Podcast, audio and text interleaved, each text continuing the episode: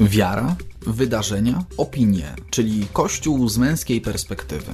Zapraszamy na kolejny odcinek serii Mężczyzna w Kościele. W opisie tego nagrania znajdziesz link do wersji wideo na naszej stronie drogaodważnych.pl. Jesteśmy, jesteśmy. Dzień dobry, szczęść Boże, pozdrawiamy i witamy wszystkich Was. Jarosław Kumor, Mariusz Marcinkowski. mężczyzna w kościele, kolejny odcinek, kolejne działania. Ja jeszcze jestem zaczytany w prasie. Kolejne nasze różne wymądrzania się na temat y, tematów, które dzieją się aktualnie, ale nie tylko aktualnie. Dzisiaj troszkę takich ponadczasowych, przynajmniej jeden taki, myślę, ponadczasowy temat y, poruszymy, ale najpierw mm, zaczniemy od kalendarza. Wczoraj był pierwszy dzień marca, pierwszy dzień marca już od bodajże ponad 10 lat jest w Polsce Dniem Pamięci y, Żołnierzy Wyklętych. Y, były uroczystości na warszawskiej Łączce, na, na cmentarzu wojskowym, na, na Powązkach. Y, Bardzo przejmujące miejsce, miałem okazję być mm, gdzieś pewnie rok temu, czy w ciągu ostatniego roku. Jest taki redaktor, który się nazywa Tadeusz Płużański, którego e, ojciec był skazany, bo ojciec albo dziadek, nie pamiętam, e, razem z rotmistrzem Pileckim, który postuluje, że to miejsce, ta łączka,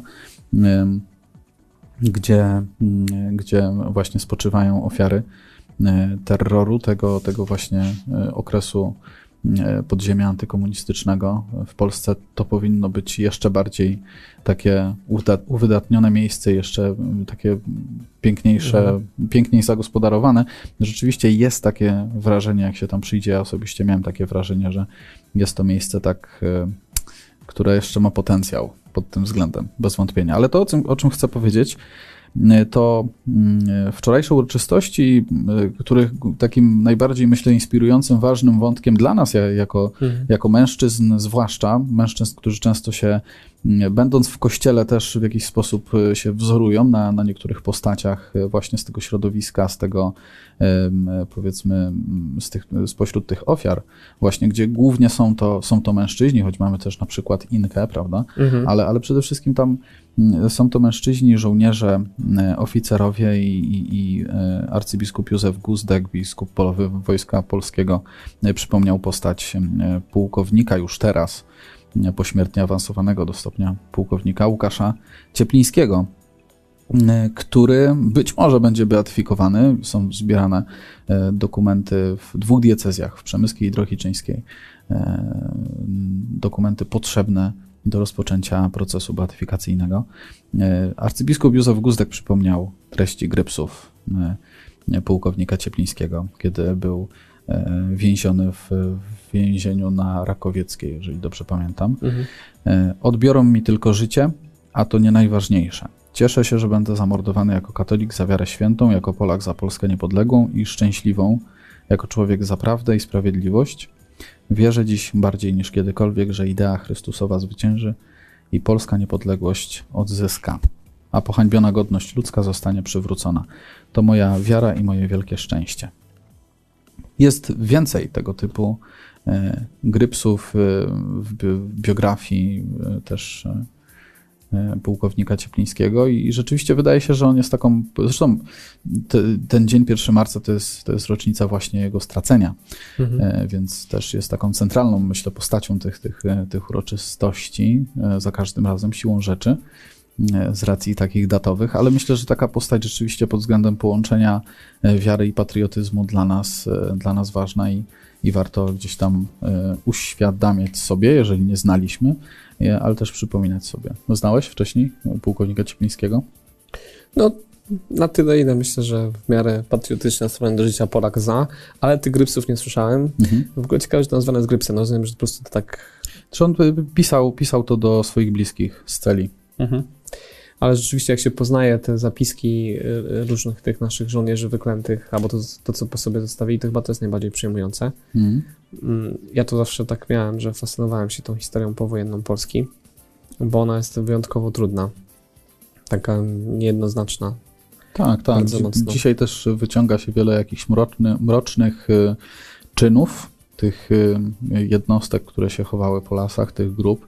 E, jakichś mordów, jakichś takich rzeczy, które, które obciążają głównie że, takie środowiska związane z dawnym, z dawnym systemem PRL-owskim. Nie? Mm-hmm. To, to, to, gdzieś tam mocno wyciągają, pokazując, że to nie jest takie jednoznaczne środowisko. Myślę, że to jest pokazywanie tego, czegoś, co jest oczywiste.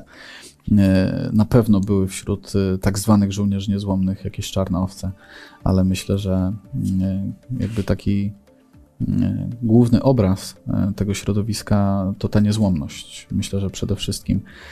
E, I generalnie myślę tutaj o żołnierzach, którzy po prostu po wojnie, nawet wracając z jakichś zsyłek, z jakichś e, wygnań do Polski, chcąc żyć w Polsce, nawet Polsce komunistycznej, po prostu chcieli tutaj normalnie żyć, nawet nie chowając się po lasach. Tutaj przykładem jest e, generał Fildorf Nil, o którym wczoraj e, pisał na naszym portalu Piotrek Paszkowski. E, przykład tego, że po prostu to przede wszystkim myślę, że takim wspólnym mianownikiem tego środowiska było to, że to było środowisko po prostu, po prostu prześladowane, stawiające opór wielkiej machinie mhm. zbrodniczej i to jest faktem, na pewno. Natomiast... Machinie zbrodniczej, która też przyjmowała barwy takiej dbające o interes narodu. A no tak.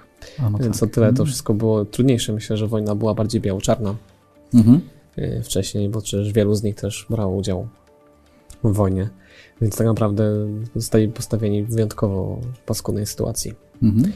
Y, tak, w zasadzie myślę, że też y, wielu z nich zdawało sobie sprawę i to przykład generała Nila pokazuje, że gdyby nie byli w tym lesie, co się wydawało takie mało rozsądne, mówiąc delikatnie, tak? dla, dla kogoś, kto by tak czysto pragmatycznie e, na to popatrzył, na, na tę sytuację, w której, w której oni się znajdowali, jakby w którą weszli. To by ich wyeliminowali. To byliby i tak wyeliminowani. Dokładnie. Tak. Jako wrogowie narodu. Hmm. No trudna ta historia. Wydawałoby się mogło, że po wojnie czas na jakiś oddech, na odbudowę, a tu nagle okazuje się, że to wcale nie było takie proste. I chyba myślę, że warto, żebyśmy pamiętali o tym, że ostatecznie tak dawno to się nie wydarzyło temu. Mhm. Że to jest w miarę współczesna historia Polski, dotykająca mm, może już nie życia naszych, nasz, nasz, naszego życia, ale często życia naszych rodziców. Tak. Mm, w sensie za ich czasów to się działo. Mm, I, I my dzisiaj chyba tak trochę z takim dużym dystansem patrzymy na tą historię. Żyjemy w takich, nazwijmy to, spokojnych czasach, bez wojny i Zresztą dzisiaj wielu komentatorów mówi, że trochę zapomnieliśmy, czym jest wojna. Dawno, dawno jej nie było. Tak, a to trochę nie. I że, że to, tak, to, to jest w ogóle bardzo, rzadki, bardzo rzadkie zjawisko w historii, że tak długo nie ma żadnych takich e, zbrojnych e, działań. Baterie proszę wymienić. Pracujemy nad mikrofonem. I się, oka się okazuje. Ale nikt... przybliżenie. O, właśnie teraz Wojciech napisał, że, że właśnie. Aha, czyli baterie się wyczerpały w trakcie. Okay. No, zostałem, zostałem jak się mówi, zostałem ocenzurowany. O, sabotaż tutaj jakiś Michał wprowadził. Okej, okay, będzie szybka wymiana baterii.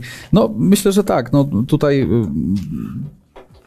to, co można powiedzieć, to, to chyba po powiedzieliśmy y, na dzisiaj w tym temacie. To jest temat, y, który, który trzeba odnotować. Chyba już jest. Co, Okej, okay, super. Co, co roku.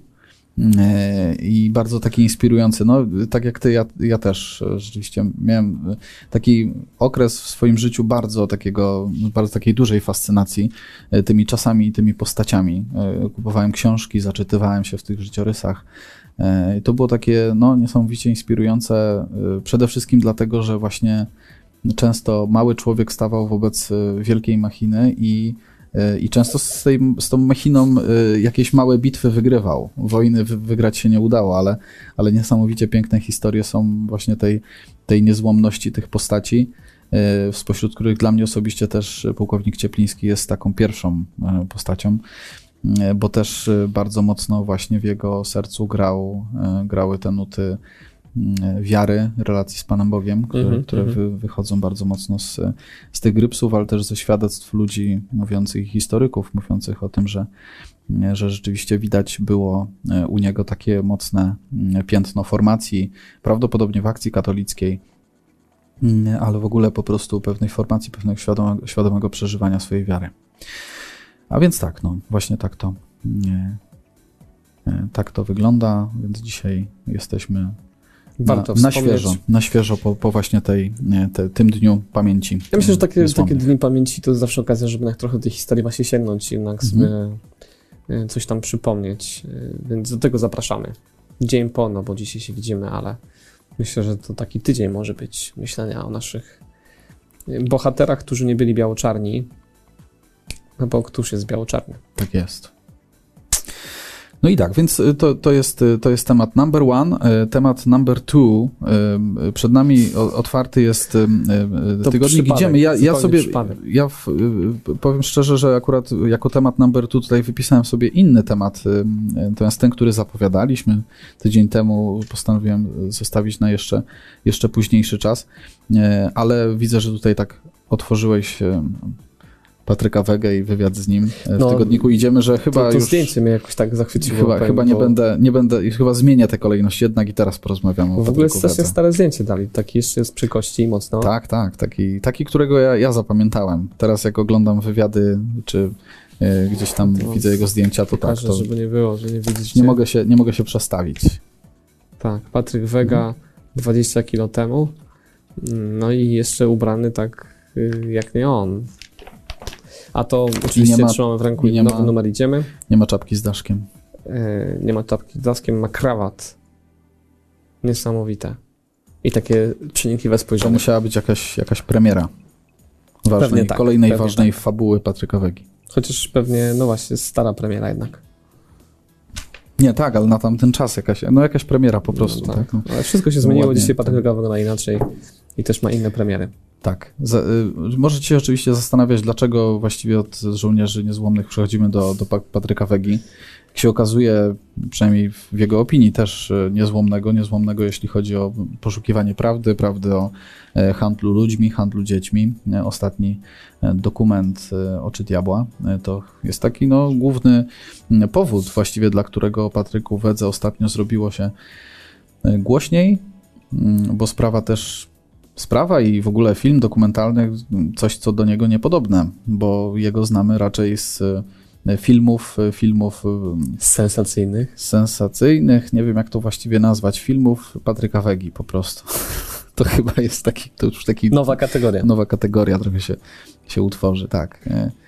No, także mm, Także po, może, po, może ty powiedz, Mariusz, dlaczego właściwie teraz o Patryku i no bo myśmy zapowiadali ten temat właśnie też tydzień temu. My i, i jak dobrze pamiętam, to chcieliśmy porozmawiać przede wszystkim o tym wątku wiary w życiu no właśnie, tego no człowieka. Właśnie. Mhm. Ja ostatnio zapowiedziałem, że tak zawsze podchodziłem do Patryka Wegi z dużym dystansem i jeszcze bardziej dystansem do jego twórczości, y, ale byłem w szoku, kiedy udzielał wywiadu dla faktu y, i w tym wywiadzie, nie wiem, czy ostatecznie go widziałeś, tak, znaczy nie obejrzałem do końca, ale, ale myślę, że to, co najważniejsze, udało się usłyszeć. No właśnie, w tym wywiadzie on jest taki bardzo wierzący. Ja miałem takie, taką obawę, że ta, ta, ta jego wiara to jest taka, wiesz, trochę. Jak to się nazywa?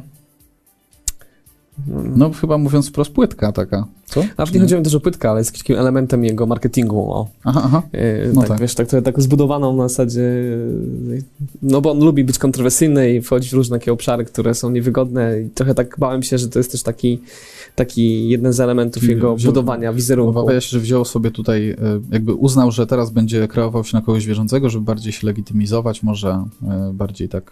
Nawet powiem ci, że miałem takie poczucie, że tak Y, łączy tą przemoc, seksualność, którą pokazuje z tematem wiary. Jak, ja bym, dla mnie też taki niespójność zawsze była. Jest tu, jest tu zgrzyt. Mhm. Czy zgrzyt, no bo oczywiście film jest pewną sztuką, więc rozumiem, że, że chciał przez to coś wyrazić, ale jego ostatnie dzieła są wybitnie wyrażające pewne rzeczy. Dużo się koncentruje, żeby wyrażać pewne aspekty.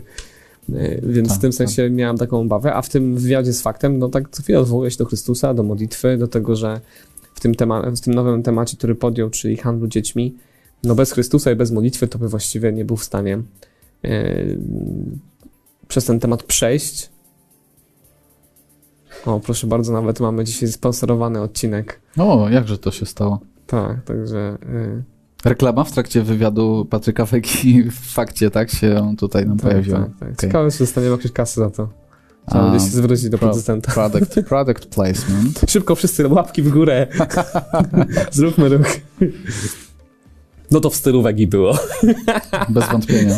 Bez wątpienia. W każdym razie wracając, no byłem poruszony tym, że no tak odbierałem go jako człowieka, który gdzieś tam tą wiarę jakoś buduje. Trudno mi pewnie powiedzieć, czy ta wiara jest głęboka, czy płytka, wiesz, na czym ona jest zbudowana. Trudno to ocenić i chyba też nie o to chodzi, żebyśmy to oceniali. Ale niemniej jednak y, robi to w taki sposób naturalny, że mhm. tak sobie pomyślałem, wiesz, że czy ja bym był taki naturalny jak on? Gdyby... Rzeczywiście, rzeczywiście y, opowie, op mówię o tym, że um, no, że bez Chrystusa by te, tego dokumentu nie, nie zrobił, nie przeszedłby przez ten temat. Tak to przedstawię. Wiesz, bardzo mm. komercyjny wywiad, świecki, bardzo. Jeszcze tak, fakt tak, taki, wiesz, no, mm. trochę prasa bulwarowa. No, no, tak naprawdę, a on tam taki naturalny sposób mówi, nie? No tutaj Chrystus, tutaj modlitwa. Wszystko tak, wszystko to, co, co wiązało się z takimi trudnymi rozmowami, e, z trudnymi tematami, które były poruszane, jak to on określił, że jakby musiał to roz, rozpuścić w modlitwie, bo inaczej nie, by się nie udało. No, myślę, że wywiad jest e, absolutnie wart e, polecenia mm, właśnie ze względu, myślę, na tą taką naturalność mówienia o wierze, o Chrystusie. I, I ma ukryte dno, i tak jak film zresztą, może film ma mniej ukryte, bo on jest taki mm. bardzo cytacji biblijne i tak dalej, ale ten, ten motyw szatana tam się pojawia mhm. Y, w samym no dokumencie ja, tak lekko. Ja, ja, sam, ja sam popełniłem felieton dla tygodnika Niedziela o, o, filmie, który bodajże też w tę albo poprzednią niedzielę się ukazał, e, w którym stawiam taką tezę, że to jednak mm, i o tym też mówiłem w ramach naszej, naszych, naszych audycji, że to jest jednak taka krecia robota dla y, Kościoła, dla katolików, y, jeżeli chodzi o mówienie o szatanie. Patryk Wega y, w tym wywiadzie mówi, że nie da się, jakby o takich rzeczach trzeba mówić wprost. I on chciał nazwać po prostu rzeczy po imieniu. Ja miałem takie poczucie, że mówiąc, mówiąc o szatanie, mówiąc o tym, że że tutaj jakby stoi za tym e, takie środowisko, które ma związki z okultyzmem, środowisko satanistyczne, e, mające związki z satanizmem i tak dalej, gdzie, gdzie w tych burdelach dziecięcych wiszą pentagramy i tak dalej, że, że ono do takich informacji tutaj dociera. Jakby powiązując to z szatanem, i nazywając go po imieniu tutaj, że po prostu e, wylewa dziecko z kąpielą, w tym sensie, że wielu ludzi tym bardziej powie, że to jest w ogóle jakieś bujanie w obłokach i jakieś gadanie o niestworzonych rzeczach. Nie? Chociaż myślę sobie, że on ma dosyć specyficzną grupę odbiorców. Mhm. No i jestem ciekaw, jak ta grupa odbiorców na to reaguje. I też, co trzeba mu oddać, to to, że w ogóle chciał ten motyw tam w ogóle pokazać bo myślę, że dzisiaj się tych tematów maksymalnie unika. Mhm. E, tego tematu w ogóle nie ma. O ile wiesz, jeszcze powstają jakieś filmy o Bożej ingerencji, jakiejś obecności, opatrzności i tak dalej. Tak, tak. O tyle już dawno nie widziałem, żeby jakiś film, który wskazywałby na istnienie złego ducha. Mhm. Więc okej, okay, no to zgadzam się z tobą, że to... Chociaż to też nie jest człowiek kościoła, nie? I może o tyle to jest też... Yy, tak, znaczy ja tak postrzegam go. Ja, go, ja, ciągle nie postrzegam jako gościa kościoła, Y, bo przez swoją twórczość raczej stawia się gdzieś tam obok mocno. No, mówi o, tak, znaczy mówi o relacji z kierownikiem duchowym, tak, czy księdzem, którego poznał przy kręceniu Pitbulla, który tak. był kapelanem policji w tym wywiadzie. Tak, on, on siebie stawia oczywiście, ale ja w moim poczuciu to nie jest, mhm. zresztą myślę, że takie społeczność Boże to też nie jest człowiek kościoła. Tak, no właśnie, wiesz, o to też chciałem zapytać, nie? Czy to mówienie o wierze i o Chrystusie, o swojej relacji z Nim, jakimś kierownictwie duchowym, czy to się nie kłóci wprost z tym, co jest y, treścią jego filmów i jak bardzo wprost on pokazuje w ostatniej pętli chociażby y, aferę podkarpacką, y, no pokazując wszystko na wierzchu. No, czy to jest chyba główna taka domena też, też filmów Patryka Wegi, że, że tam wszystko na wierzchu jest pokazane po prostu, nie? To nie, nie ma żadnej tajemnicy tutaj. Jeżeli jest burdel, to jest burdel, wiemy, co się tam dzieje i to jest pokazane, co się tam dzieje. Tak. No właśnie. Czy to się nie kłóci, nie? No to jakoś wydaje mi się, Daję że jest to jednoznaczne. Nie, dla mnie tak. Mhm. No dla mnie właśnie też. Nie? Dlatego trudno mi go umieszczyć w kościele, bo mhm. tak naprawdę ja rozumiem, że sztuka sztuką można czy przekazać w sposób dramatyczny i odstawiając prawdę. Mam wrażenie, że on trochę się lubuje w tym, żeby wchodzić w takie detale, które e, odkręcają to wszystko w taką, no tak. takim niezdrowym kierunku.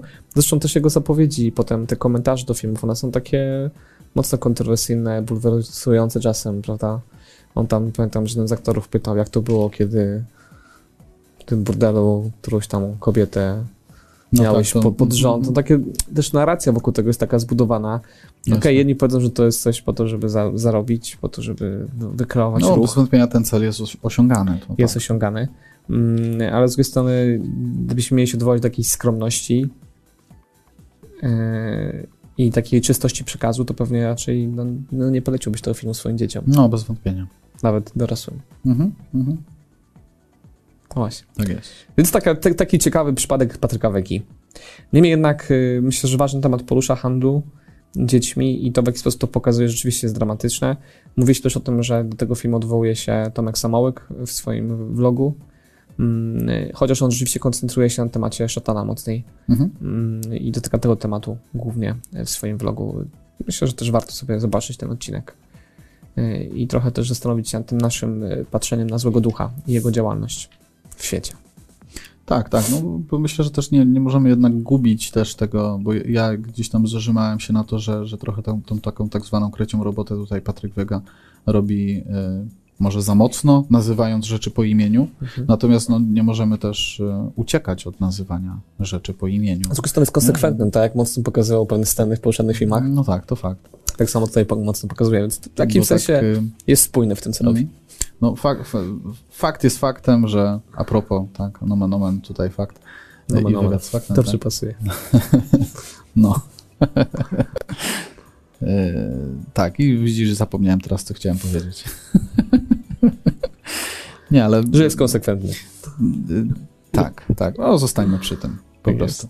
Dobra, zamykamy rozdział Patryk Wega z przeszłości i teraz to, to, co zapowiedzieliśmy, to skomentowaliśmy. E, wraca temat księdza Dymera, to temat nasz number three. Tak, pozdrawiam twoją mamę, bo w ogóle już ostatnio miałem powiedzieć, dawno jej nie widziałem na czacie. No tak, dawno nie było mamy. Chyba w pracy była w tym czasie. No właśnie. Tak, ale cieszę się, się. Że, że, jesteś ponownie mamą. Cieszymy się i pozdrawiam bardzo serdecznie wierną fankę, fankę Jarosława tak. To jest ulubiona audycja publicystyczna mojej mamy, także... Tak jest. To bardzo nam schlebia.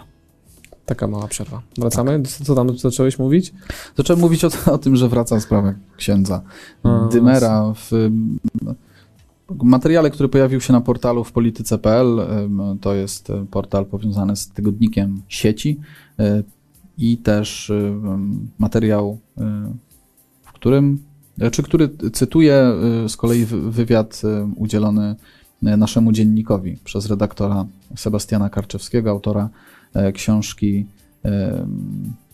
No właśnie, jaki, jaki był tytuł tej książki? Czy ja to. A, wypisałem sobie bardzo dobrze. Pedofilią w Kościół oblicza kłamstwa.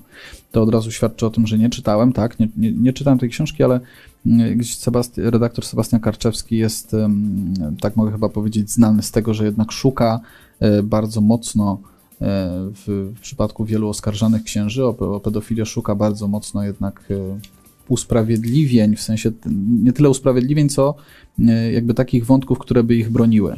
E, bardzo mocno wskazuje na, na te miejsca tych procesów, tych oskarżeń, które tutaj pokazują nam wątpliwości i trzyma się, myślę, bardzo mocno domniemania niewinności e, w wielu tych przypadkach.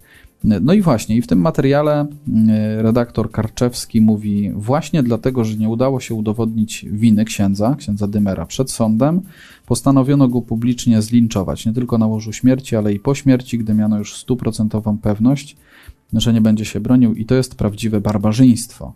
Więc jakby ja mam wrażenie, w tej wypowiedzi jest z góry założenie, że ksiądz Demer jest po prostu niewinny. niewinny. Mhm. Tak? I, I, już, i koniec. Nie, jakby, tak jakby nie ma znaczenia to, co mówią ofiary. To z góry jest też takie pokazanie, że ofiary kłamią. No bo jeżeli tak to rozumiemy, że tak redaktor Kaczewski też to przedstawia, że ksiądz Demer jest niewinny, czyli jego ofiary kłamią. Albo sobie mhm. coś zmyśliły. Mhm. Tak w końcu tego przypomina mi się nasze spotkanie z biskupem Milewskim, mhm. który będzie naszym gościem na konferencji 13 marca który y, też y, jako biskup pomocniczy zajmuje się tymi sprawami w swojej diecezji i on też powiedział wprost, że, że chyba nie zdarzyło się, żeby któreś z tych oskarżeń, które było kierowane pod adresem księdza, który miałby się dopuścić takich czynów, byłoby fałszywe lub nieprawdziwe w jakimś sensie. Mm -hmm.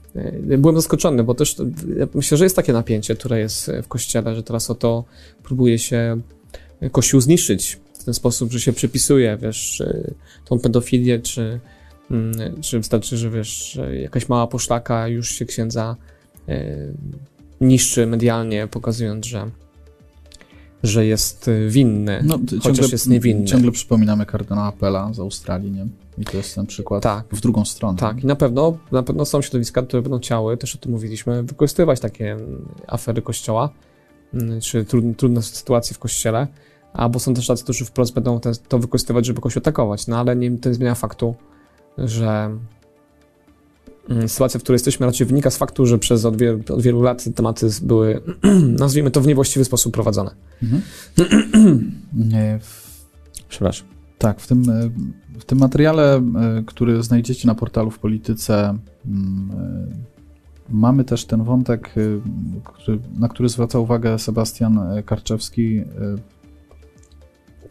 pokazując te momenty, kiedy wychodziły oskarżenia wobec, w tym konkretnym przypadku, księdza Andrzeja Dymera, to były momenty, w których też miały miejsce jakieś przepychanki personalne, w tym, mhm. w tym ognisku brata Alberta, gdzie po prostu e, komuś zależało na tym, żeby księdza e, oskarżyć, bo, bo mhm. miał do niego jakiś personalny, personalny problem, albo nawet ksiądz po prostu e, w jakiejś słusznej sprawie, już nie pamiętam o co chodziło dokładnie, ale kogoś tam nie wiem, zwolnił z pracy, czy, czy w jakiś sposób tam postawił przed jakimś tam sądem nie, i tak dalej. I, I że to była forma zemsty. Nie? I jakby okay. tutaj Sebastian Karczewski pokazuje, że właśnie zawsze temu towarzyszyły jakieś tam personalne przepychanki i to, i to też miałoby usprawiedliwiać, czy, czy działać na, na korzyść księdza Dymera, w sensie pokazywać, że on jest właściwie niewinny, no bo no właśnie, czy, czy to nie jest takie, takie podejrzane. No i z drugiej strony e, też, też zwraca uwagę, że nie dano mu prawa obrony przed wyrokiem Gdańskiego Sądu Metropolitalnego w 2008 roku, że ksiądz Andrzej Dymer nie miał, nie miał w ogóle możliwości się bronić, nie, nie dano mu tego prawa. Więc jest to, mam wrażenie, takie postawienie się e, bardzo mocno, czy mówienie z takiego punktu widzenia no tego, że właściwie ja jestem absolutnie pewien stuprocentowo, że e, człowiek jest niewinny i nie, nie ma dyskusji. Jakby i szukam, szukam bardzo mocno właśnie tej argumentacji, która ma, która ma to pokazać. E, no trudno się, mam wrażenie, jednak stawiać e, tutaj w e, takim położeniu jakby osoby, która, która uważa z góry po prostu, że człowiek jest niewinny. No, fakt, że domniemanie niewinności jest, jest, jest oczywistością, nie? Ale Mm, kiedy wypowiadają się ofiary, y, tak, takie czy, czy potencjalne ofiary, y, zakładanie z góry, że, że one kłamią, no, wydaje się też, też nie do końca uczciwe. Nie? Mhm. Tak, tak, to, tak to postrzegam. No i oczywiście mamy też wypowiedź e, ojca Tadeusza Rydzyka sprzed już paru bodajże miesięcy, tak, właśnie w której, w której e, padło to, że a, przecież księdza, księża każdy z nas ma swoje słabości, księża też mają swoje słabości e, e, i, i już, tak? I po prostu każdy ma prawo do, do słabości. Oczywiście później było sprostowanie. Było sprostowanie i przeproszenie za te słowa, no ale mimo wszystko wywiad ukazuje się w naszym dzienniku i w kontekście jakby ta wypowiedź automatycznie mi osobiście się przypomina. I, i trochę też Prawda tak, medialna działa. Mnie, trochę mnie też y, mimo wszystko dystansuje do środowiska, e, do, do, do jakby tych mediów, pod, pod, przynajmniej w kontekście, e, w kontekście samego zjawiska pedofilii w kościele. Mówiłeś o tym, że jest takie napięcie pewne właśnie w kościele związane, związane ze sprawą pedofilii, gdzie rzeczywiście kościół w wielu jakby odcinkach ca, całe, całego tego zjawiska może być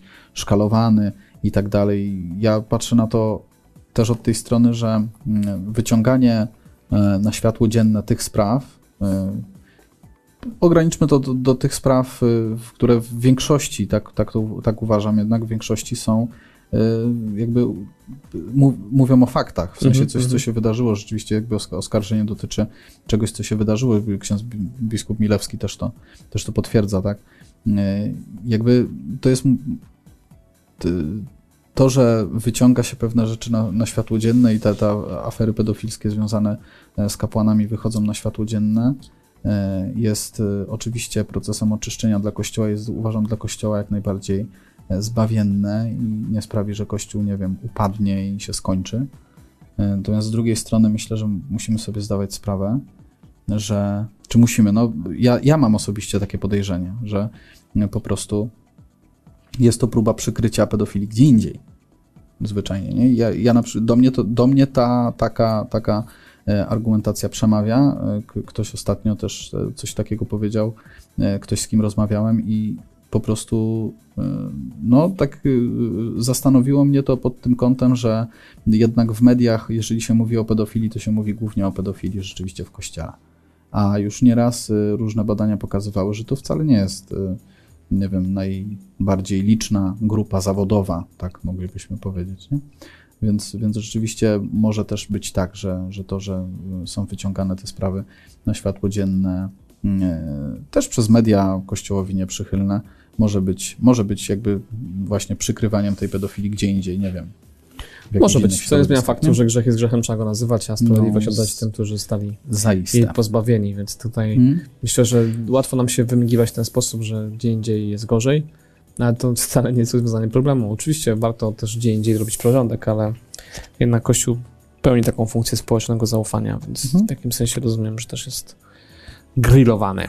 Tak jest. No, y, y, wspomnijmy, że, bo to też właściwie dotarliśmy do tego, e, do tego materiału w, w polityce przez e, profil facebookowy Weroniki Kostrzewy, e, szefowej publicystyki Radia Plus, która napisała, komentując też ten materiał, w czasie, gdy człowiek ma ochotę płakać z bezsilności po obejrzeniu reportażu, kiedy przewodnik katolicki oddaje głos ofierze księdza Dymera, ojcu Tarsycjuszowi, Franciszkaninowi, pojawia się nasz dziennik kopiujący go portal w polityce, Nagonka na ofiary i obrona sprawcy. To, co robicie sobie i swojej wiarygodności, drogie portale i gazety, mnie nie interesuje, ale to, co wobec ofiar i kościoła szkodliwego robicie, to inna sprawa. E, o tekście pana Karczeskiego e, doskonale pisał już Tomasz Terlikowski, e, ale żeby chcieć poznać fakty, a nie prowadzić nagonkę, trzeba być prawdy ciekawym. Dodajmy, że w swoim tekście redaktor Karczewski bronił też kardynała Gulbinowicza.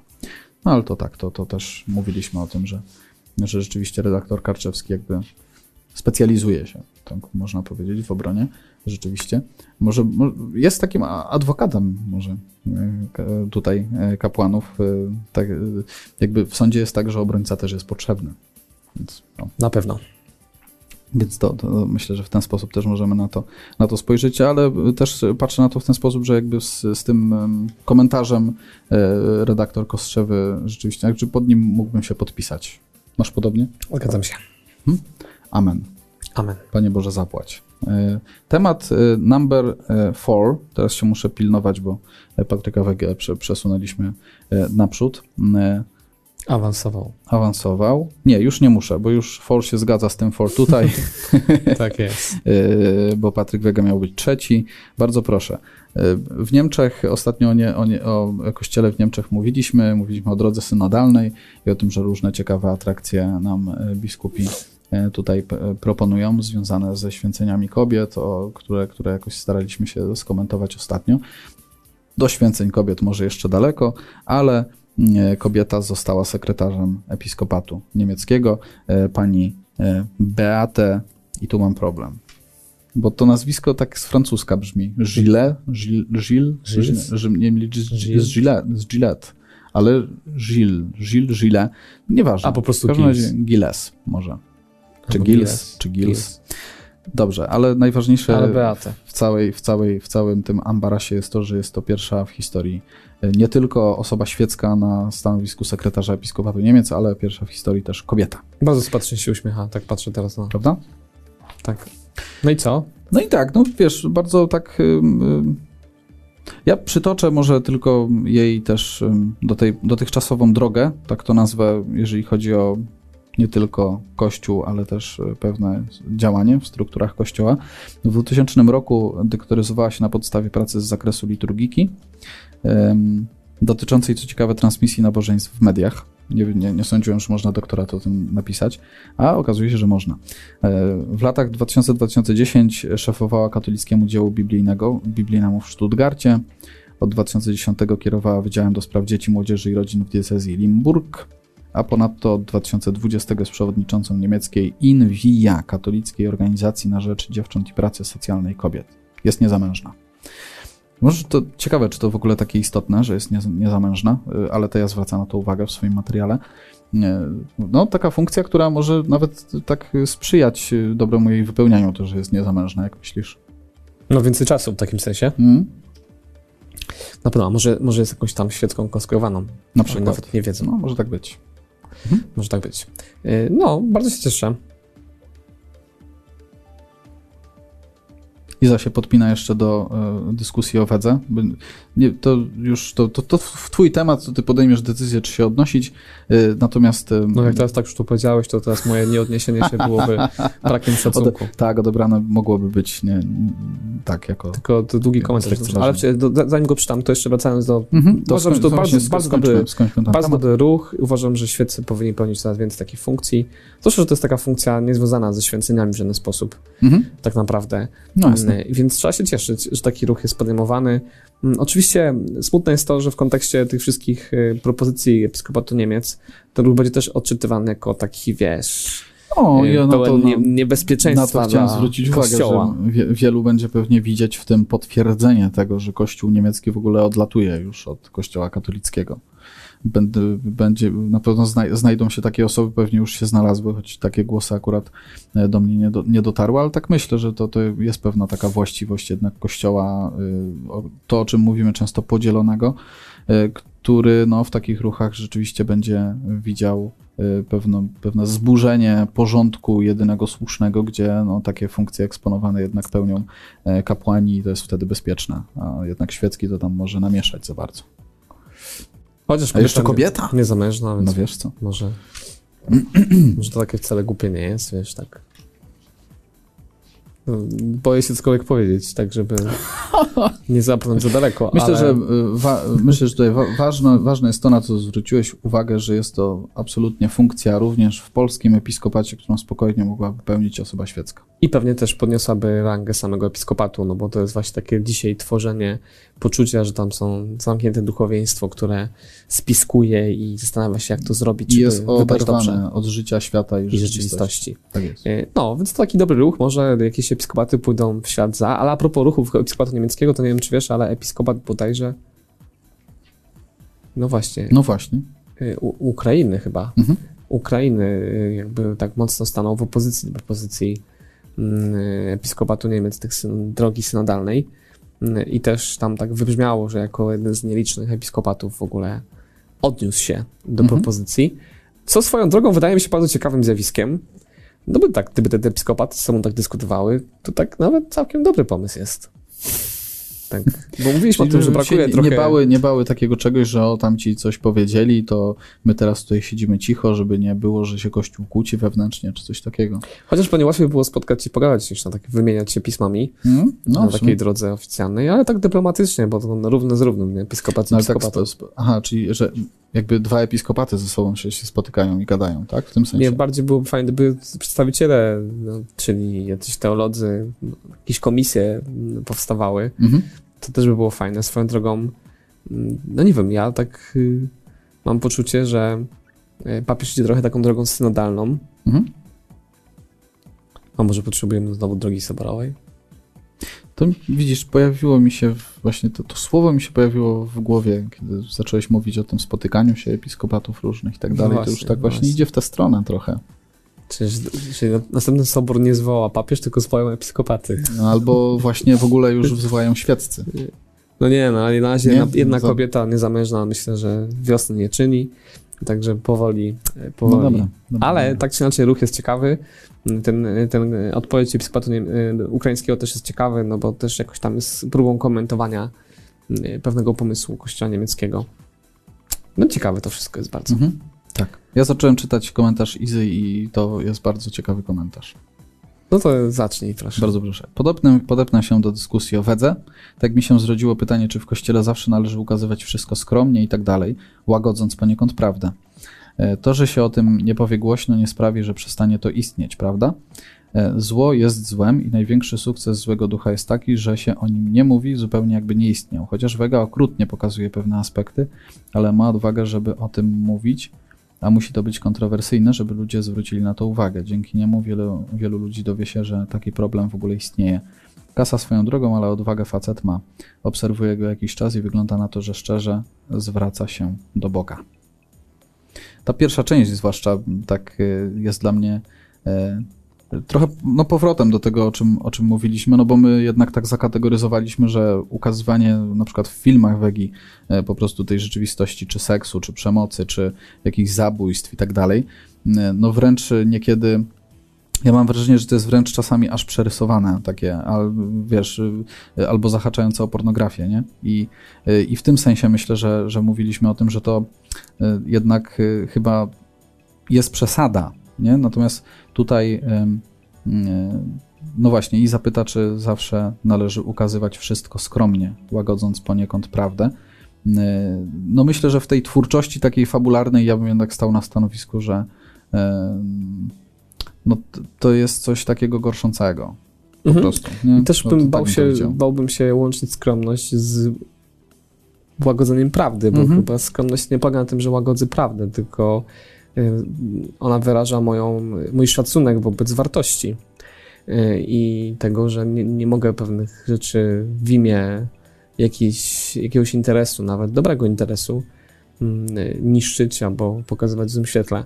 Y, i myślę, że w tym sensie zgodzę się z, tą, z taką tezą, że, że spokojnie filmy Wegi można zaklasyfikować w tych częściach e, ostatnich szczególnie jako filmy pornograficzne i jestem przekonany, że wiele osób, które je ogląda, w jakimś sensie to oddziałuje również na ich postrzeganie seksualności, patrzenie na świat. Mm, jest takie przysłowie, które zawsze słyszałem za młodu, które nie zawsze, e, nie zawsze jest prawdziwe, to, to chciałbym bardzo zaznaczyć, że nie wszystkiego musisz w życiu spróbować, żeby wiedzieć, że jest złe. No e, w jakim sensie to jest prawda, tak? Ja myślę, że z perspektywy rodzica to szczególnie jest ważne. No, chyba jeśli uczymy nasze dzieci, nie wiem, czystości, to nie poprzez to, że pokazujemy im nieczystość. Chociaż mamy taką tendencję, ja myślę, że to jest trochę takie niepokojące u nas w tej naszej rzeczywistości, że my się już nauczyliśmy trochę, żeby nie mówić o wartościach, ale mówić właśnie o czymś negatywnym, przez taki trochę pryzmat straszenia, pokazywania zła, co nie znaczy, że mamy unikać. Ja się całkowicie z tą nie zgadzam, że też o tym powiedziałem dzisiaj, że, to, że ta odwaga wegi o tym, że mówicie o szatanie jest ważna, bo my dzisiaj go wyrzucamy poza horyzont, udając, że go nie ma. I to jest jakby niepokojące i problematyczne. Ale z drugiej strony myślę, że jest wiele ruchów, które koncentruje się bardzo mocno na tym, że on istnieje i też wylewa dziecko z kąpielą, bo budzi w ludziach niepokój, pokazując wszechmoc i potęgę tych złych sił, które wszystko mhm. ogarniają. Zresztą, jak się dzisiaj ogląda wiadomości czy świat, to ma, może odnieść takie wrażenie, że generalnie wszystko jest złe. Ludzie są zepsuci, jest tyle nieszczęścia, wojny, cierpienia, smutku. I w jakimś sensie to jest prawda, bo tyle tego jest. E, ale też jest fakt, że przez to, że pokazujemy tylko to, to jakoś fałszujemy rzeczywistość, nie? No pewnie. No, więc dzięki za ten komentarz. Myślę, że w jakimś sensie z Tobą się zgadzamy, chociaż myślę, że razem podtrzymujemy to, że mm, forma jednak nie uświęca środków tutaj. I w jakimś sensie ja też mam takie poczucie, że to, co powiedziałem, że Patryk Wega w jakiś szczególny sposób akcentuje te, akcent, te, te pewne obrazy. To nawet nie chodzi o to, że, że one są takie otwarte, ale one są, powiedziałbym, nawet yy, realizowane z upodobaniem mhm. z takim zamiłowaniem, tak, mhm. z, co do pewnych detali, szczegółów. Jasne, to przyciąga ludzi, to jest prawda, ale ostatecznie trzeba zadać pytanie, jakie to, jakie to owoce rodzi. No i jednak wyobrażam sobie, że gdyby nie było tych te epatowania właśnie gdzieś głównie chyba seksualnością, przynajmniej w ostatnich jego filmach, to jednak byłaby zdecydowanie mniejsza publiczność tych filmów, nie? Bo jednak to jest, myślę, że też tak, że widzimy na zwiastunie pewne urywki i to, to od razu nas jakoś przyciąga. Chociaż też trzeba pamiętać, że ten nowy film, y, on nie jest taki w scenach mocny. Mhm. Tak, to też żebyśmy... mówisz o czym, o pętli? Nie, mówię o, oczach diabła. A nie, no tak. No, bo tutaj, żebyśmy to... nie łączyli tych dwóch rzeczy, jasne, bo jasne. tutaj Iza mówi, że nie oglądała, wydała, wydawał się jej za mocny, yy, ale o problemie się dowiedziałem. Yy, czyli rozumiem, że nosi się tak, do problemu o sprzedaży dzieci. Tak, tak. To oczywiście Oczy Diabła bardziej jest taki nietypowy film do Wegi, bo tam więcej słyszymy niż znaczy, widzimy. To, to, nie jest fabuła, to jest coś, co Wega przedstawia jako, jako dokument. Wega na kanapie trochę, no. Wega na kanapie. Yy, tak. No więc na pewno ten, ten, ten film nie jest jakiś taki upodobany co do szczegółów. Mhm. Więc jakim Atomek, Atom, Atomek też fajnie pisze, nie wiem czy przyciąga, bo mnie zupełnie odrzuciło. Tak, jednych będzie odrzucać, ale jakby no, patrząc na liczby, to jednak większą część e, społeczeństwa przy, przyciąga, czy widzów po prostu, nie? I to, no to też coś mówi o nas. No. Niestety, chociaż najnowsze badania pokazują, że seks i przemoc już powoli się przestaje sprzedawać, bo już jesteśmy takim nasyceni mhm. w obrazach, że one przestają na nas oddziaływać tak na tyle silnie jak kiedyś. E, jak się patrzy zresztą na współczesne kino, chociaż dawno od kina nie było przez pandemię, mhm. to jednak w tym kinie nie ma już takich y, otwartych scen na przykład seksu. One są już takie bardziej delikatne. Mhm. Muszę na chwilkę wyjść, mamy gościa. Ale o, to może kiedy indziej opowiemy. No ciekawe. A ty zajmij naszą publiczność czymś ważnym. Tego się nie spodziewałem, że to Mariusz pójdzie otworzyć drzwi, bo rzeczywiście tak usłyszałem dzwonek i, i zacząłem się od razu zastanawiać, czy ktoś jest poza studiem właściwie e, u nas e, w tej chwili, e, kto będzie w stanie otworzyć drzwi. Dobrze, słuchajcie, to myślę, że tyle, jeśli chodzi o też komentarz Izy. Jeszcze raz bardzo Ci dziękujemy. I jako dopełnienie tego, tego tematu, o którym zaczęliśmy też mówić w kontekście nawet, no zaraz po Patrycu, Patryku Wedze, czyli księdza Dymera Tomek pisze o, o klerykalizmie jako czymś, co, co bardzo mocno jakoś oddziałuje na, myślę, takie no, obronę po prostu tych osób, tych księży, którzy dopuszczali się czynów pedofilskich. I tak, myślę, że nieraz już też w naszych audycjach mówiliśmy o klerykalizmie jako, jako tym, co, co jakoś no jest domeną na pewno osób, które jakoś na siłę starają się bronić po prostu kapłanów. Mam wrażenie, że w tym jest taki wątek też tego, że no skoro to jest kapłan, to jednak no, to jest nie do pomyślenia, żeby on był jakiś, nie wiem, skazany, wyklęty, wyeliminowany i tak dalej, nie? Dla wielu osób. Myślę o tym, co, co Tomek napisał cytując księdza Artura e, Sosę, akurat w tej chwili, ale wcześniej też papieża Franciszka, który mówi o przezwyciężeniu klerykalizmu. To niestety, wydaje mi się, w kościele wciąż mamy takie patrzenie, że skoro to jest ksiądz, no to no przecież to nie można aż takich środków wobec niego podejmować. Trochę tak mi się wydaje, że to też jest e, no, coś, co, co powoduje, że Kościół ciągle gdzieś się mota w tym samooczyszczeniu, no bo w końcu to jest ksiądz. No jak to? Nie? Patrzę na pokolenie, nie wiem, naszych babć, e, czy, czy, czy czasami też rodziców, e, którzy jednak w tym księdzu widzieli kogoś idealnego często. To nie sprzyja. Zmienia się to z, myślę, pożytkiem i dla nas, i dla kapłanów, i oby to się zmieniało. Szkoda tylko, że ta zmiana musi być prowokowana przez takie trudne tematy. No, szkoda.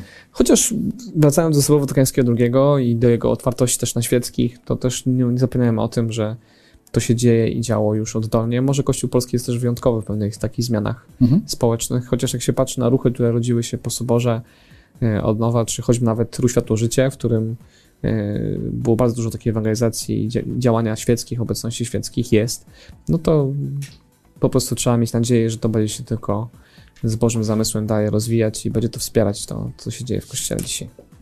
Amen. To był temat number four. A... Zresztą a propos tego, to tym bardziej zapraszam na konferencję, bo biskup Milewski myślę, że w taki bardzo otwarty sposób też o tym mówi, mhm. dzieląc się swoim doświadczeniem. Więc jeśli jesteście ciekawi, to, to warto go posłuchać. Mm, no bo tak, miałem, miałem takie poczucie takiego braterskiego spotkania, kiedy tam byliśmy. Mhm. E, takich szczerych rozmów o Kościele, o nas, o tym, jak patrzymy na tę rzeczywistość. No zobacz, a to ja, było bardzo ja z, Michałem, ja z Michałem z kolei mieliśmy, myślę, że Michał się ze mną zgodzi, poczucie takiego bratersko-siostrzanego spotkania, kiedy byliśmy u siostry Anny Bauchan nagrywać z kolei jej, e, jej prelekcję. Długo rozmawialiśmy też po, po nagraniu wtedy to jest ciekawe, bo z dzisiejszą, dzisiejszymi naszymi tematami akurat y, też to współgra, bo Patryk Wega mówi o handlu dziećmi, handlu ludźmi. Siostra Anna Bauchan z tym tematem się styka y, y, właściwie na co dzień w swojej, w swojej działalności. Wcześniej jeszcze bardziej, kiedy pracowała na ulicy, po prostu w, wyciągając prostytu, z prostytucji kobiety i, i które same były nieraz ofiarami handlu ludźmi, ale też rozmawialiśmy o samym filmie Wegi i, i siostra Anna też wprost mówi, że no to oczywiście, że jakby jest to prawda, to, to o czym mhm. film mówi i to w jaki sposób też, też to wszystko jest tam przedstawione, tam nie ma nic, nic zmyślonego. Ciągle mówimy nie? o oczach diabła, o tak, tym tak, temacie tak. związanym z handlem ludźmi, handlem dziećmi. Tak, tak, także, także no tak y, z, te, z tego, z tej perspektywy też, też zapraszamy na konferencję, bo siostra Anna jest jednym z naszych gości y, i, i też będzie mówiła no, o takich, o tego typu y, tematach i działaniu E, działaniu, e, które ona podejmowała w takich no, ekstremalnie trudnych kwestiach. Nie? Tak jest.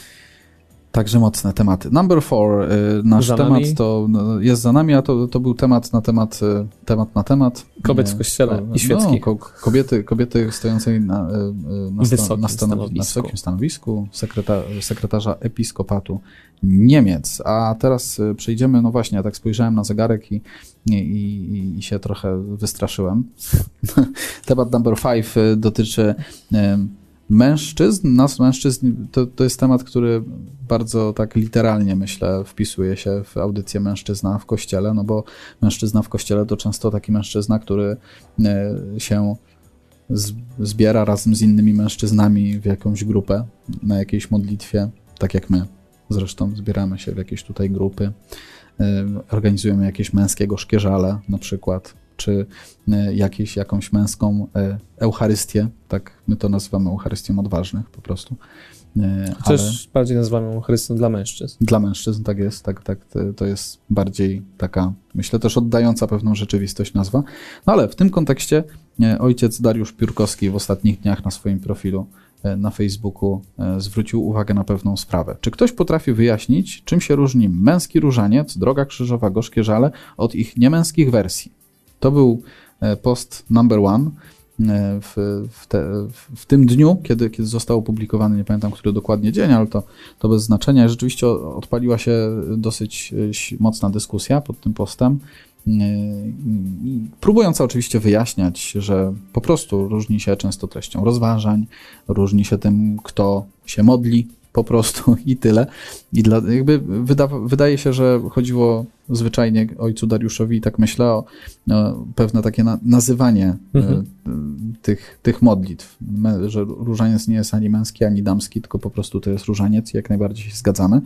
E, trochę potwierdził to e, post number two ojca Dariusza. Ja wiem, co mi się stało. W tym samym dniu ojciec Dariusz pisze dalej. Powiem szczerze, wasze odpowiedzi co do męskości, gorzkich żali, różańca tylko trochę posunęły sprawę do przodu. Te teksty gorzkich żali są takie same, niezależnie od tego, czy śpiewają je mężczyźni czy kobiety, podobnie różaniec. Natomiast czym innym są specjalne wspólnoty tylko dla mężczyzn. Męskie w odniesieniu do różańca jest tylko to, że odmawiają go panowie i tyle. Chodzi jednak o znaczenie słów. Przypisanie, przypisywanie więc określenia męski do tych nabożeństw jest dwuznaczne, a także niejasne. I myślę, że pełna zgoda. Nie? Tak, tak. Taki sprytny zabieg. Prawda? Znał e, odpowiedź, a zapytał, jakby nie wiedział. Ale mimochodem wywołał, wywołał e, bardzo ciekawą dyskusję e, wzbudzoną przez kobiety które tak śledzą ojca Dariusza na Facebooku i bardzo dużo pojawiło się komentarzy pod tymi postami, które mam wrażenie, jakby ze strony kobiet są, jakby wiążą się z pewnym takim poczuciem zagrożenia, że mężczyźni jednak gromadzą się we wspólnoty, gromadzą się na wspólnej modlitwie i że to jest jakby znalazło się wiele głosów kobiet, które mówiły o tym, że to jest stawianie się wyżej od nich że e, to, co męskie, to lepsze. I dlatego my sobie tu zrobimy męski różaniec i my, się będziemy modlić i teraz jakby no widzisz, to, to ze strony kobiet e, pojawia się tutaj pewne poczucie zagrożenia. Nawet jeden z naszych, e, z naszych braci, e, z, bodajże z klubu Magis, e, jeżeli dobrze pamiętam, tam mówił o nas jako wspólnocie, która akurat tutaj jest, jest przykładem bardzo pozytywnym te, po prostu realizowania różnych rzeczy. Oczywiście byliśmy tutaj nazwani po imieniu, inne wspólnoty też były, były jakoś na, nazywane po imieniu, ale... I zawsze pozytywnie. Muszę ci powiedzieć, że byliśmy stawiani w pozytywnym świetle i odpowiedzi, odpowiedzi na to były takie, że nie nie, no oczywiście, oczywiście są takie do, dobre, dobre męskie grupy, tak. Że no. są takie dobre męskie wspólnoty jak najbardziej, ale że dużo jest takich, które po prostu trącą pewną taką sek, sekciarską jakąś otoczką i tak dalej. Albo nie? taką wojenną. Na przykład. Na przykład. też tak no, dojrzałem. Natomiast, no właśnie, myślę, że warto, żebyśmy trochę powiedzieli o tym właściwie, po co, po co mężczyźni mają y, ale razem, chciałbym... razem iść, razem iść na, na modlitwę tylko jako mężczyźni i po co właściwie wydarzenie mhm. takie jak nasz, nasza konferencja 13 marca, która jest tylko dla mężczyzn. No właśnie. Ale chciałbym oddać tutaj rację ojcu mhm. na Piórkowskiemu. Piórkowskiemu. Piórkowskiemu, słusznie. Na Piórkowski też ojciec, ale trochę też, inny. Tak jest. Trochę starszy. Mm, trochę starszy. Trochę inna branża. Yy, że słuszne jest to stwierdzenie. Ja powiem szczerze, że yy, zawsze jak tworzymy te treści, to chyba bardziej właśnie piszemy dla mężczyzn. Nigdy nie piszemy męski, chociaż może, że ten błąd popełniliśmy przy gorzkich żalach. Mhm. Tam chyba są męskie gorzkie żale. Tak. I co do samego takiego nazewnictwa i przejrzystości komunikacji, komunikatu, to zgadzam się z tym tezą, że tak nie powinno być, bo gorzkie żale nie są ani męskie, ani żeńskie. Nie wiem, czy są jakieś jeszcze gorzkie żale dla mężczyzn. Czy myślisz, że to my go Wydaje mi się, że my zainspir mogliśmy zainspirować. Jest. Mogło tak być. Jest, ale tak. nie zdradził się. tak jest. Ja nie wiem, czy któryś z jego współbraci czasem nie bierze udziału w tych męskich gorzkich żalach. No możliwe. Już teraz nie pamiętam. Możliwe. W każdym razie rzeczywiście samo nazewnictwo warto, żeby ono było klarowne, bo we współczesnym świecie mm, rzeczywiście mm, o to chodzi. O tym wielokrotnie mówiliśmy. Ciekawe, że nikt nie poruszył, czemu są takie inicjatywy dla kobiet w ogóle, ja nie wiem. Znaczy, że y, jeszcze raz, że, wiesz, że są, taki, no bo taki, są, są, są no właśnie, kobiety, tak? Bulwersują ty, tylko spotkania nie, to też, było, to też było poruszane. Było, tak? Było dużo wątków poruszanych w komentarzach, no ale no, ja, tak głównie nie, zaczytałem tak chciałem, tak, tak, chciałem, chciałem jakby bardziej skupić się na, na tym temacie pewnego takiego e, zagrożenia, które z zewnątrz, jak się patrzy na jakieś ruchy męskie, jakby w poczuciu pewnego zagrożenia. to teraz uwaga, patrzy, tak? będzie oświadczenie drogi odważnych, ale uwaga, zanim uwaga. to jeszcze Kamil Jaśniewicz, pół żartem, pół serio, po prostu jesteśmy zbyt mało wyrafinowani i na nabożeństwach dla wszystkich jest nam ciężko, bo potrzebujemy prostej ścieżki wyłożenia, wyłożonej łapatologicznie. Chciałoby się postawić kropkę, ale... To będzie jednak przecinek. Tak. E, ale właśnie, uwaga, oświadczenie. A. Jesteśmy za równością. Kobieta i mężczyzna są sobie równi. To jest oświadczenie. Tak, już, tak, tak, Dobrze, tak. uwaga. Tak. Skąd to wiemy? No, Pan Bóg tak powiedział, więc staramy się w to wierzyć. Ale to powiedział, no, no, skąd ty, no, no, Pan Bóg tak powiedział, to już nie W Biblii przeczytałem. I, I w nauczaniu Kościoła też to mogę znaleźć. Po drugie, jesteśmy zwolennikami tezy, którą uważamy za prawdą, prawdę. Prawdziwą. Że, że mimo, no, dziękuję bardzo, że pomimo tego, że jesteśmy równi, to też jesteśmy różni. To ja będę tak potwierdzał. Zgadzam się. Tak, ty jesteś Cezarem. On jest cenzorą. Tak? Jesteśmy różni, w związku z tym trochę inaczej przeżywamy swoją duchowość, inaczej się modlimy, chociaż często, często właściwie zawsze korzystamy z podobnych form. No bo różaniec myślę, że nie jest tylko kobiecą, ani tylko męską modlitwą. Chociaż co do, ja tu ocenzuruję delikatnie, pewna dygresyjka, chociaż różaniec się wydaje wybitnie damską modlitwą w ostatnich czasach w kościele. To powinien nie męską, bo na ulicach właśnie tylko ten różaniec no, męski widać. Widzisz, no to jest taka próba odwrócenia czegoś. Zwracasz uwagę, widzisz, tak? ale okay. tak, ale, no. ale jednak koła, Tam w komentarzach pisano, koła. że różni się modlitwa różańcowa sznurkiem, że jest z mm, linki mm, tak. tej lotniczej czy coś tam. Tak jest. Y, y, ale koła żywego, tudzież jak mówi Szymon Hołownia, ledwo żywego różańca się rzeczywiście tutaj wybitnie są takimi damskimi kołami. Cóż. No, ale to, tak to nasza wina. zupełnie na marginesie. No i w związku z tym, że mamy tą duchowość trochę inną jako mężczyźni, inną też jak ludzie między sobą, bo to też jeszcze się dzieje dalej, to nie, to nie, jedyny, nie jedyna różnorodność jest w świecie. W bardzo różny sposób się modlimy jako ludzie. W też w różny sposób przeżywamy nasze powołanie, bo jednak jest czymś innym bycie ojcem, a czymś innym jest bycie matką, chociaż jedno i drugie łączy się z wychowaniem dzieci. No oczywiście. I czym innym jest y, bycie y, mężem tej kobiety, a czym innym, w sensie, czym innym jest bycie mężem Katarzyny, a czym innym bycie mężem Anny, a czym innym bycie mężem Marii, więc to też zupełnie inaczej funkcjonujemy też. Tak, a już nie wspomnę, jak to, musi być, różnic jak jest... to musi być inaczej być się żoną na przykład, ale no tego właśnie, już nie planuję tak, stwierdzać ani sprawdzać. Niemniej jednak to wszystko sprawia, że ta rzeczywistość, w której możemy rozwijać się i wzrastać, też jest dla nas wspierająca, kiedy rodzi się w podobnym doświadczeniu zmagań, trudów codzienności.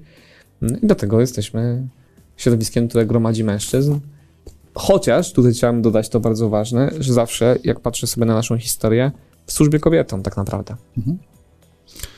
O tak, choć y, jakby... Nie? Nie, zawsze? nie, nie, nie.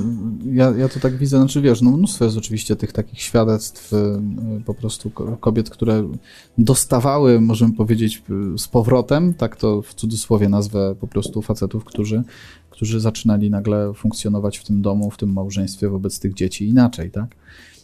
Lepiej. No, natomiast to też jakoś nie, nie, nigdy się tym nie, nie staraliśmy w jakiś sposób, nie wiem, tam chełpić i tak dalej. E, po prostu no, ro, robimy, robimy swoje z tym przekonaniem, że, że mężczyzna wśród mężczyzn rzeczywiście wzrasta. Ja teraz zrobię taki, taki zabieg, e, jaki często się obserwuje na forach e, internetowych czy na Facebooku, że się tak tak dowala cytatem z Pisma Świętego. O, dobra, no, a, masz tutaj, masz tu. Billboard. tylko nie pamiętam, w której księdze to było. Ale w liście do Tesaloniczan albo do, albo do tym, ale pewnie do Tesaloniczan, tak? Pewnie już wiesz, o którym fragment chodzi, gdzie święty Paweł mówi, że jakby miłe Panu Bogu jest to, że mężczyźni wspólnie razem stają, podnoszą ręce i się modlą. Tak jest, chwała Panu. No. masz tu, masz, a ty jest cytat, proszę Chociaż bardzo. wcale ten cytat nie mówi o tym, że niemiły jest, kiedy robią kobiety. Oczywiście. Nie? No, dlaczego? Nie, na pewno. Powiedział, że mężczyźni, mężczyźni. No, bo on był męskim szowinistą. Zaiste. Tak. No cóż, więc tak y, pół żartem, pół serio, ale cieszymy się, że ta dyskusja została wywołana. Pozdrawiam, fajnie, pozdrawiam Tomasza. Chociaż ja byłem się. przerażony jak, jak tymi odpowiedziami trochę, no bo rzeczywiście mhm. to oznacza, że my często postrzegamy tak lękowo to wszystko, tak? To, te, no. te, te kobiety tam rzeczywiście pisały o tym bojówkach, o, o jak, albo nawet tam ktoś z facetów napisał, że mężczyzn, żeby nie obrazić facetów, albo nie obrazić mężczyzn, w zależności z kim się utożsamiasz, bo też może być różne, jak mówimy mm. dzisiaj o tych różnych no, tak, postawach. Tak, tak. To pisał o tym, że no tak, że każdy moment, w którym uciekasz z domu, w którym cię żona nie suszy, jest dobrym miejscem dla twojego rozwoju. Mm. Tak pół, pół żartem, właściwie bardziej żartem niż serio, chyba, mam nadzieję no to pokazuje, że gdzieś tam to patrzymy stereotypowo. E, to też chyba trochę tak, wiesz, wiesz co to się rodzi? Z tego, że ona mogłaby nawet chcieć sprawdzić, czy taka wspólnota dobrze funkcjonuje. Mhm. No ale tak średnio by było być w męskiej wspólnocie jako kobieta. Tak. Chociaż no w Stanach Zjednoczonych... Kobiety nie, nie mają za bardzo chyba takich narzędzi po prostu takiej inwigilacji, jak to tak jest w takiej męskiej grupie. To... O, ja myślę, że one mają więcej narzędzi inwigilacji niż my. Niż sobie zdajemy sprawę z tego. Tak, tak? tak. Ale zostawmy ten temat. W Stanach Zjednoczonych e, prezydent Biden, nowy e, tak. prezydent katolik, jak już akceptowaliśmy ostatnio, e, wnosi rzeczywistość życia codziennego i sportu na nową rzeczywistość. Pewnie on by nie chciał, żeby różaniec był dla mężczyzn, albo inaczej by chciał, ale powiedziałby, że każdy może dzisiaj być mężczyzną. Tak jest. Także jeżeli ktoś chce jeżeli w Stanach Zjednoczonych po prostu gdzieś pod Białym Domem miałby być męski różaniec, to tak naprawdę to byłby różaniec dla każdego, bo ka każdy przyjdzie I nie byłoby powie, mężczyzną. I nie byłoby problemu, tak jak teraz robienie osobnych toalet jest bez sensu, bo po co? Czyli płynnie przechodzimy w ten sposób do tematu number six i to jest właśnie e, Stany Zjednoczone, Zjednoczone jeszcze raz, na deser, tak. Dzisiaj Stany, Zjedno Stany Zjednoczone i tak. Wiesz, musieliśmy dojść do Stanów w końcu. tak jest, tak jest. No, także tak, Stany Zjednoczone, pre prezydent Joe Biden i jego e, pomysł na, na to, żeby rzeczywiście to chyba chodzi o damskie szatnie, w których mężczyźni będą, mogą, będą mogli identyfikując się jako kobiety, tak? Kobiety mają być zmuszane do dzielenia szatni i pryszniców z biologicznymi mężczyznami, którzy identyfikują się jako kobiety. Taki nagłówek mhm. widzimy w gościu niedzielnym, a właściwie na portalu gość.pl. E, I tam też jest cała taka narracja, że ten sport też powinien taki być bardziej otwarty, czyli w męskich dyscyplinach mogliby brać udział biologiczne kobiety, które czują się mężczyznami. Mhm. Okay. I odwrotnie. Ja to jednak myślę, że mm, sfera sportu to, to nie jest dobry pomysł. W sensie to jest bardzo dobry pomysł. Ja uważam, że to jest najlepsza ścieżka. Bo ja to jest ścieżka, tak która tak delikatnie... koniecznie musi się skończyć jakimś konfliktem. Nie, no tak, ale wiesz, nie wspomnę, znaczy wspomnę. Wspomnę, że Serena Williams u szczytu swojej kariery. Była gra... Nie, chociaż wielu ją tak posądzało o to. Ale wydawało się, że ona, jak tak, tak dobrze zbudowana kobieta, yy, będąca na szczycie rankingu WTA przez długi, długi czas, yy, grająca w sposób siłowy, grająca tak, że zmiatała wiele, wiele rywalek po prostu z powierzchni kortu, nie tracąc gema i tak dalej, nie? Y, no pewnie jak zagra z jakimś mężczyzną, to nie będzie bez szans i tak dalej. Zagrała z 400 czy 500 y, zawodnikiem rankingu ATP, czy rankingu mężczyzn i absolutnie nie ugrała nic. Nie? No, więc wydaje mi się, że też mieliśmy przykład chyba reprezentant, reprezentanta tak naprawdę chyba Republiki Południowej Afryki, Caster Semenia, bodajże nazywała się ta e, kobieta, która wcześniej była mężczyzną, zdaje się, chyba tak to było. Wszystko wygrywała. I też ona wszystko wygrywała i to jakby była dominacja no taka niepodzielna, wynikająca po prostu z budowy organizmu, no i tyle.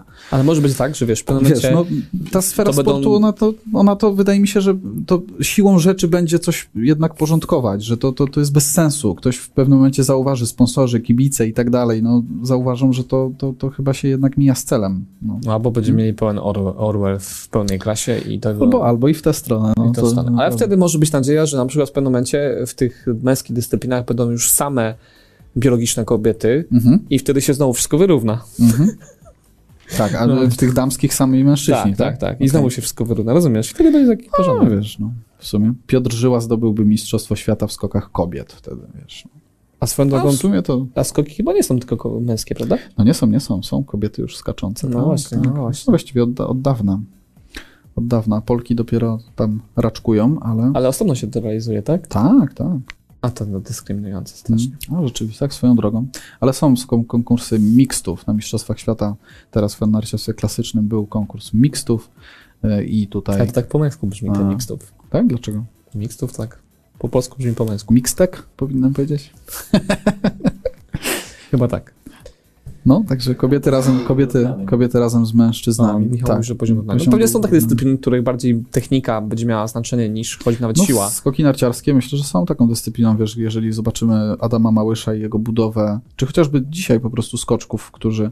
Są którzy, jak piórko. Miałem okazję kiedyś e, rzeczywiście e, spotkać twarzą w twarz Kamila Stocha czy Macieja Kota i byłem po prostu zaszokowany po prostu jacy oni są Kamil. malutcy. Malutcy są i tacy cieniutcy. Tacy, no, także, no tak, to tak. Także to, tak, to, to akurat jest taki Ale przykład dyscypliny, się, że, tak. że tacy są też. Hmm?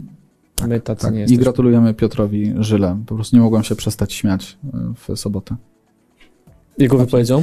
Nie, jego, Ach, jego, jego ty, tym, co się wydarzyło po prostu, no bo jednak okay. ja mam taki obraz Piotra jako kogoś, kto tam zajmuje te miejsca tam od czwartego do dziesiątego najczęściej i w ogóle e, rzadko kiedy staje na podium, a już, że wygrywa jakieś konkursy też bardzo rzadko, e, a tutaj, no proszę, wystarczyło przenieść ich na normalną skocznię, a nie tą dużą, jak zawsze i... Patrz, już jest i tak już, mało osób, że trzeba kończyć.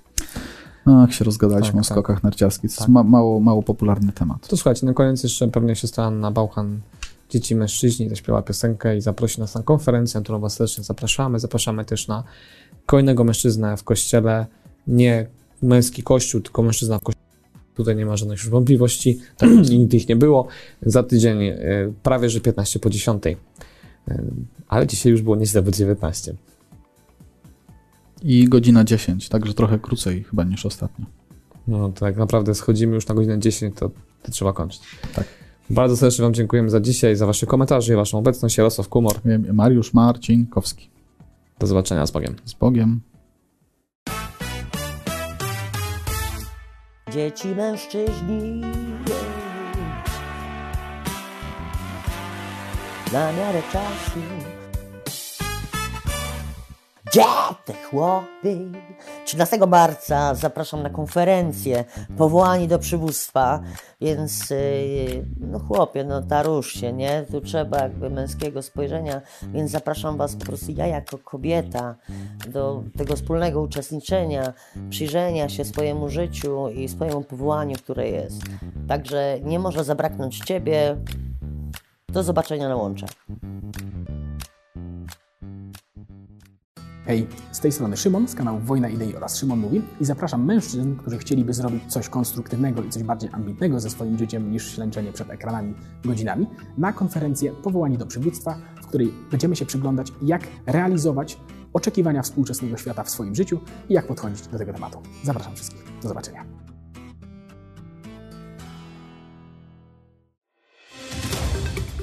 Słuchałeś odcinka serii Mężczyzna w Kościele. Jeśli chcesz nas poznać bliżej, zapraszamy na drogaodważnych.pl.